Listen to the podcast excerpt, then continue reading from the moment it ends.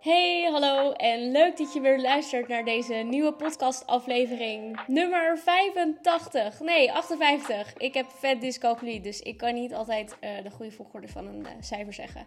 Welkom, leuk dat je weer luistert.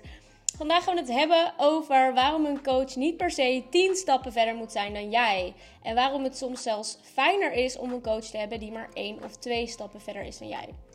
Leuk dat je weer luistert. Welkom. En uh, laten we er gewoon gelijk induiken. Want ik denk dat het een hele interessante is uh, voor jou. Zeker als je mij al een tijdje volgt. En um, nou ja, nogmaals, het business coaching ding is niet nieuw voor je, heb ik zo'n idee. Maar je wilt er wel um, ja, graag een goede keuze in maken. Mocht je op zoek zijn naar een business coach. Maar ja, wie kies je dan? Kies je dan iemand die vele malen verder is dan jij, die al heel veel meer heeft ervaren dan jij? Of kies je voor iemand die slechts een paar stappen verder is dan jij? En om gelijk even iets uit de lucht te halen. Het heeft niet per se te maken met de doelgroep die je als coach aanspreekt.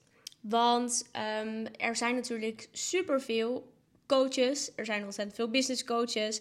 Er zijn ook heel veel gradaties. Als je het mij vraagt in business coachland. Als het gaat bijvoorbeeld om starters of om high-level ondernemen. Um, er zijn business coaches die zich richten op uh, marketing of specifiek op sales of specifiek op mindset. Maar om nog even terug te komen op die doelgroep. De doelgroep heeft niet zoveel te maken met het niveau van de ondernemer. Als in high-level klanten coachen hoeft niet te betekenen dat je al heel lang coach bent. Of als je starters helpt, hoeft dat ook niet te betekenen dat je zelf eigenlijk een starter coach bent. Dus dat je nog niet zoveel ervaring daarin hebt en um, dat je mee wilt groeien met je klanten. Je kan er bewust voor kiezen om te werken met starters. Ook al ben je al echt wel ver, ja, echt een gevestigde naam en een gevestigde ondernemer. Um, en daarnaast heeft niveau ook niet zoveel te maken met succes. Dus je kan super goed zijn in het ondernemen en in het coachen.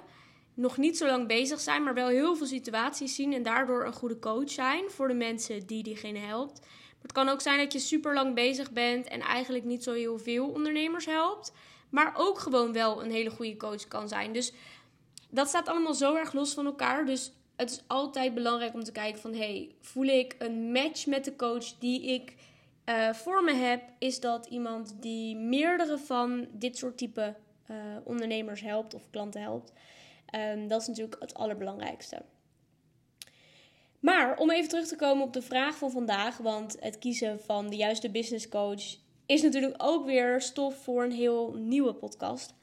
Um, wie weet ga ik dat nog wel eens doen. Maar de vraag is natuurlijk: is het nodig dat jouw coach al heel veel verder is? Nou, in mijn ogen is het zeker niet nodig. En sterker nog, ik wil je ook het andere perspectief laten zien in deze podcast, of eigenlijk vertellen.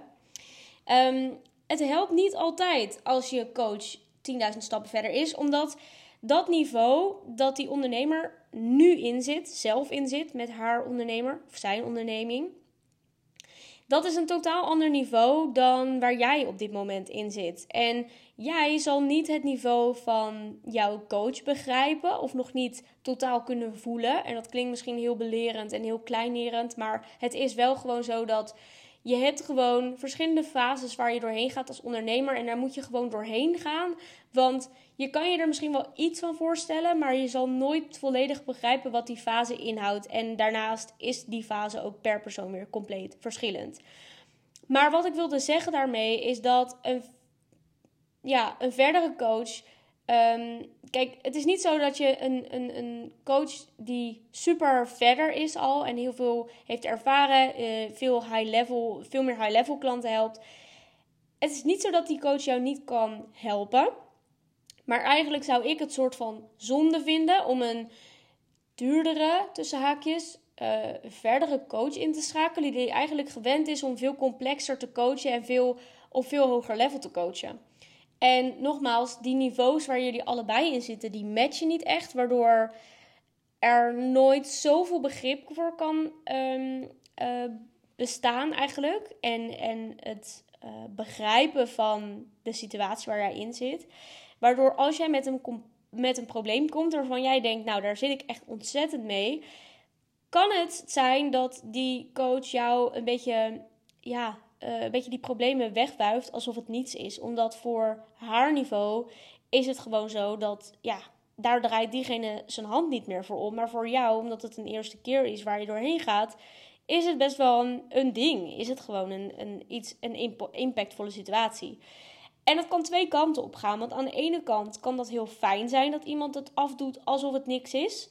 Want dat geeft je ook perspectief en dat geeft je ook ruimte om verder te kijken naar: hé, hey, wat is ook weer mijn grotere doel? En ja, hoeveel impact maakt dit nou daadwerkelijk? Maar tegelijkertijd is het soms ook uh, heel frustrerend als iemand je niet uh, zo begrijpt als jijzelf eigenlijk.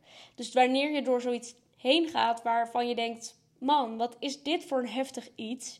En je krijgt daar niet genoeg begrip voor, dan kan dat best wel pittig zijn en kan je best wel een soort van in een soort wrok terechtkomen.